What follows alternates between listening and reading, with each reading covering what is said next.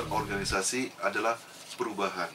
Perubahan yang dikenal sebagai VUCA, volatility, uncertainty, complexity, ambiguity. Dan yang kedua adalah revolusi industri 4.0, di mana yang paling menonjol saat ini adalah satu, teknologi. Teknologi can change the rule of the game. Dulu kata orang manjakan customer Anda, maka dia akan kembali. Yes. Sekarang kita manjakan customer, tapi customer balik. Betul. Karena customer akan ketemu teknologi, terutama yang marketplace sekarang, Iya. sehingga apa pun itu akan bagi customer jika ada teknologi baru kita tergeser oleh teknologi.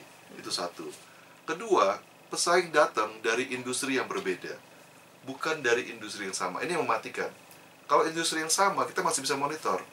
Tapi kalau industri berbeda udah susah contohnya perusahaan taksi saya sebut aja inisial BB Yes. lawannya adalah perusahaan taksi yang singkatannya depannya E Oh, E. E ada G, tapi tiba-tiba muncul suatu pesaing dari industri berbeda yang langsung meluluh lantakan pasar. Yes. Padahal si taksi BB ini saya yakin tidak mengurangi servisnya. Servisnya masih bagus. Maka menurut saya sampai sekarang pun tetap bagus. Cuma ada satu masalah, masalahnya adalah teknologi can change the rule of the game. Kedua, soal pesaing. Contoh, sudah ada kan tutup 6 gerai kemarin. Padahal servisnya bagus-bagus aja. Cuma sekarang beli sesuatu, beli dari Matahari atau masuk ke Lazada, Zalora dan Iya, seterusnya. betul. Maka pesaing muncul dari industri yang kita nggak sangka sama sekali. Bahkan kalau kita bercanda ya, dulu-dulu ibu-ibu khawatir, Bapak jangan pergi dengan wanita lain. Hmm. Ternyata pesaing ibu-ibu datang dari industri berbeda. Hmm. Datang dari para pria-pria juga. Tantangan yang terbesar adalah rata-rata yang sudah sukses, istilah zaman dulu, sudah duduk, lupa berdiri. Yang sudah sukses selalu mengatakan, Pak Daniel, gedung ini adalah bukti kesuksesan kami. Yes. Apalagi yang harus kami ubah? Nah, itu yang paling sering saya dengar. Iya. Pak Daniel, lihat skala bisnis kami. Kami sudah berada di sekian provinsi. Omset kami sekian. Apalagi yang harus kami ubah? Sudah ada bukti.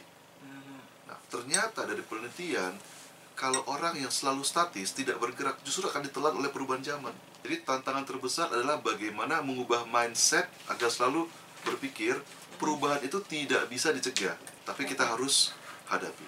Dan bahkan ada satu media mengatakan pandai-pandailah membaca tanda-tanda zaman. Contoh gampangnya saja customer service. Sekarang sudah ada auto response. Nah, kemudian profesi tertentu seperti yang gampangnya aja yang terima karcis di parkiran itu kan ditelan oleh IT. Pertama-tama adalah bicara mengenai bahwa perubahan yang kita alami saat ini di industri mana pun, tantangan terbesar adalah kompetitormu bukan dari industri, Industri yang, yang sama. Yang kedua, tantangan terbesar adalah mindset kita. Mindset itu siap untuk terus-menerus berubah, jangan puas dengan kondisi sekarang.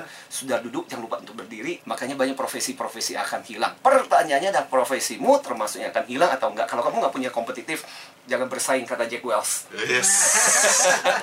Kalau kita mau melakukan sesuatu harus tahu dahulu kunci sukses. Kalau milih mantu 3B, bibit, bebet, bobot. Iya.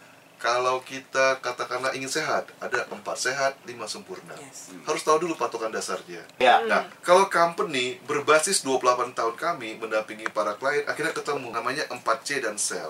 Hmm. Ini sebenarnya juga diinspirasi oleh para konsultan ternama di dunia seperti Kenichi Omae. Kemudian ada Pak Hermawan Kartajaya, ada respect saya kepada Pak Teddy Rahmat. Keluarlah 4C tersebut dan Sell.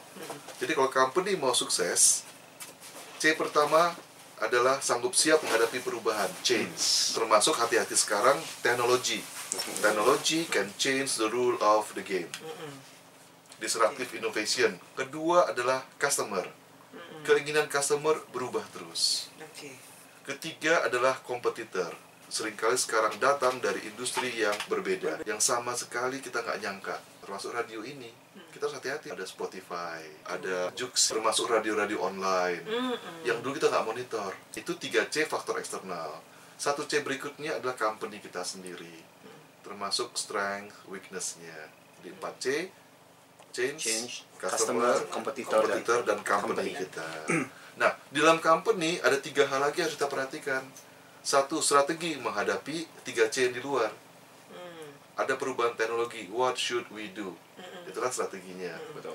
Termasuk masuk ke dunia digital. Hmm. Astra sendiri pun dulunya tidak mau masuk, sekarang sudah mulai invest ke Gojek 1,5 T kalau saya nggak salah Iya. dengar. Ada satu perusahaan pestisida jual ke petani asumsinya petani tidak ngerti IT, Ya. adalah orang yang uneducated. Ternyata petani sekarang bisa beli pestisida dari Thailand, dikirim lewat AliExpress, dibayar pakai Alipay.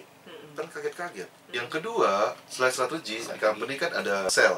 Satu strategi, kedua eksekusi. Banyak orang mengatakan execution is important. Bukan berarti strategi tidak ya. Iya. Selalu dimulai strategi dulu karena strategi adalah arah, eksekusi adalah mobilnya. Nah, di faktor eksekusi lah keluar kata-kata people, process, culture. Jadi Iya. supaya eksekusi kita bagus, people harus benar dan baik, prosesnya harus baik, dan culture-nya juga harus baik. Oke. Dan ketiga, semua ini dirangkum oleh seorang leader. Pak Daniel Yes. merasakan nggak? Kadang-kadang saya merasa kaget. Ada organisasi yang sebenarnya kondisi di dalam itu kacau, tapi penghasilannya bagus. What do you think? Oke, salah satu penyebabnya karena karena faktor eksternal. Hmm. Ada kesempatan opportunity Ya. di mana pada saat itu pembeli bisnis bisa masuk. Hmm. Nah, masalahnya cuma satu, opportunity eksternal lama-lama akan terkikis. Hmm. Karena istilah saya ada gula, ada semut. Yes. Jadi kalau orang lain melihat sukses, contoh di Sunter ada yang omsetnya 8 miliar. Tapi kemudian mulai pemain lain masuk, Akan masuk. maka pasarnya mulai terbagi. Hmm. Tapi kadang-kadang si owner sudah duduk lupa berdiri, tidak sadar ada perubahan, Ya. ada komputer lain masuk. Ya. Rata-rata selama pendirinya masih ada, founding fathernya ada, Mhm. dialah people-nya, dialah prosesnya, dialah culture-nya. Culture-nya, Jadi betul. aman. Ya. Masalah berikutnya jika diturunkan ke generasi kedua. Mhm. Generasi kedua belum tentu punya fighting spirit seperti founding father. Mhm. Masalah cuma satu, manusia akan menua. Kalau tidak dibuat SOP tertulis, wah itu berat. Begitu dia sakit gimana selesai. regenerasi tetap ya. Harus ada, Harus harus, ada. ada. Cuma tantangan berikutnya, anak-anak generasi milenial belum tentu mau ikut bisnis bapaknya. Selalu ada dua pendekatan. Pendekatan pertama adalah kemungkinan anaknya tidak tahu bisnis orang tuanya. Contoh, orang tuanya berdagang di Mangga 2. Anaknya mana mau lulusan S2 dari Monash University, mosok jual di Mangga 2. Nah, jadi akhirnya kerja di suatu bank, ya tapi gaji pas-pasan. Kenapa? Karena belum tahu. Jadi usul saya kepada orang tua kenalkan dahulu dengan cara halus. Hmm, Dan biasanya anak-anak kalau orang tua ngomong itu susah mau mendengarkan. Jadi Maka perlu pihak ketiga, pamannya, Hmm, orang oke. lain untuk memperkenalkan. Karena kalau orang tua bawel. Jika ternyata sudah dikenalkan memang tidak tertarik karena passionnya beda, nah kita harus siap-siap. Ada beberapa cara lain. Satu, anak diangkat masuk ke namanya Chief of Sustainability Office, CSO. Jadi tidak harus setiap hari memonitor perusahaan, tapi tahu garis besarnya perusahaan, dan boleh kerja tempat lain.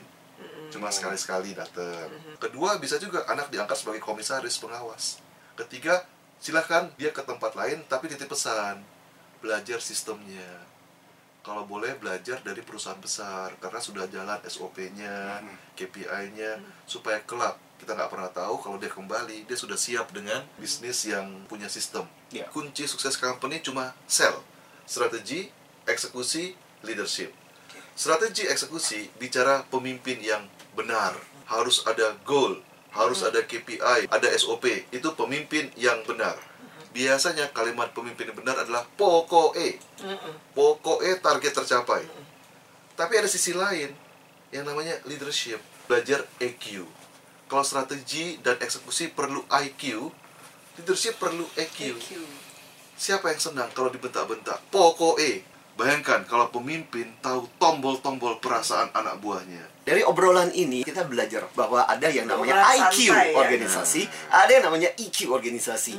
IQ organisasi banyak bicara mengenai strategi, bicara mengenai eksekusi. Tapi menarik karena ini keluar dari mulutnya Pak Daniel yang menemani organisasi berubah. Karena kalau keluar dari gue, biasanya Allah kan itu dari Stantonio Martin karena kan beliau expertnya di EQ secara ringkas kalau dari sudut pandang saya IQ itu kamu butuh strategi butuh orang pintar untuk mengarahkan kamu harus tahu bagaimana bisnismu ya Dalam perubahan di level direksi, kata kuncinya adalah leading change, memimpin perubahan.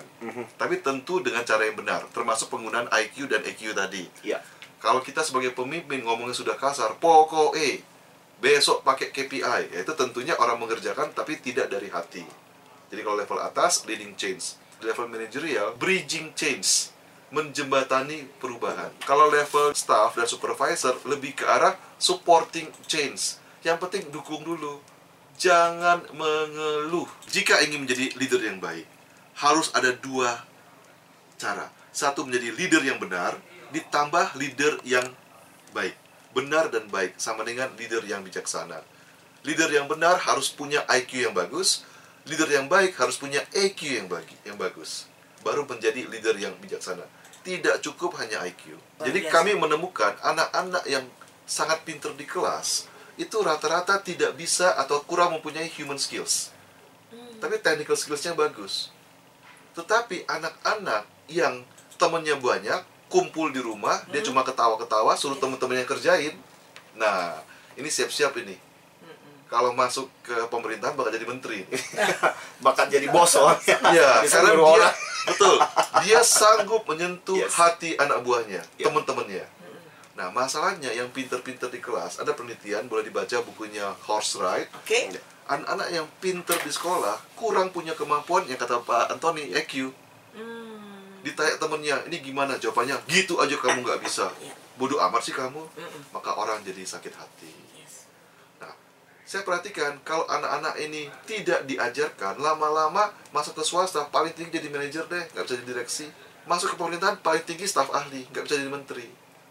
Makanya saya usul, terutama yang sudah kuliah, kalau anak-anak kita IP-nya 3,5 ke atas, usul saya ikut organisasi. Di organisasi mahasiswa, paling sulit memerintah orang mengerjakan apa yang kita mau tanpa dibayar.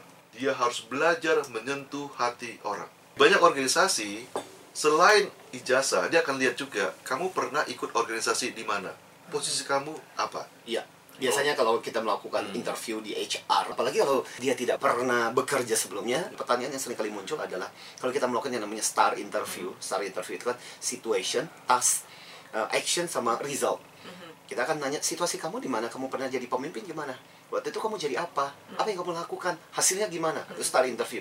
Nah, itu untuk mengukur satu kompetensi. Apakah dia memiliki satu kompetensi? Makanya kita menyebutnya STAR interview. Oke. Nah, kalau dari hasil interview kita tes kepada dia dan dia menunjukkan, eh berarti waktu ketika dia sekolah pernah melakukan punya kemampuan seperti itu berarti dia punya bakat kepemimpinan.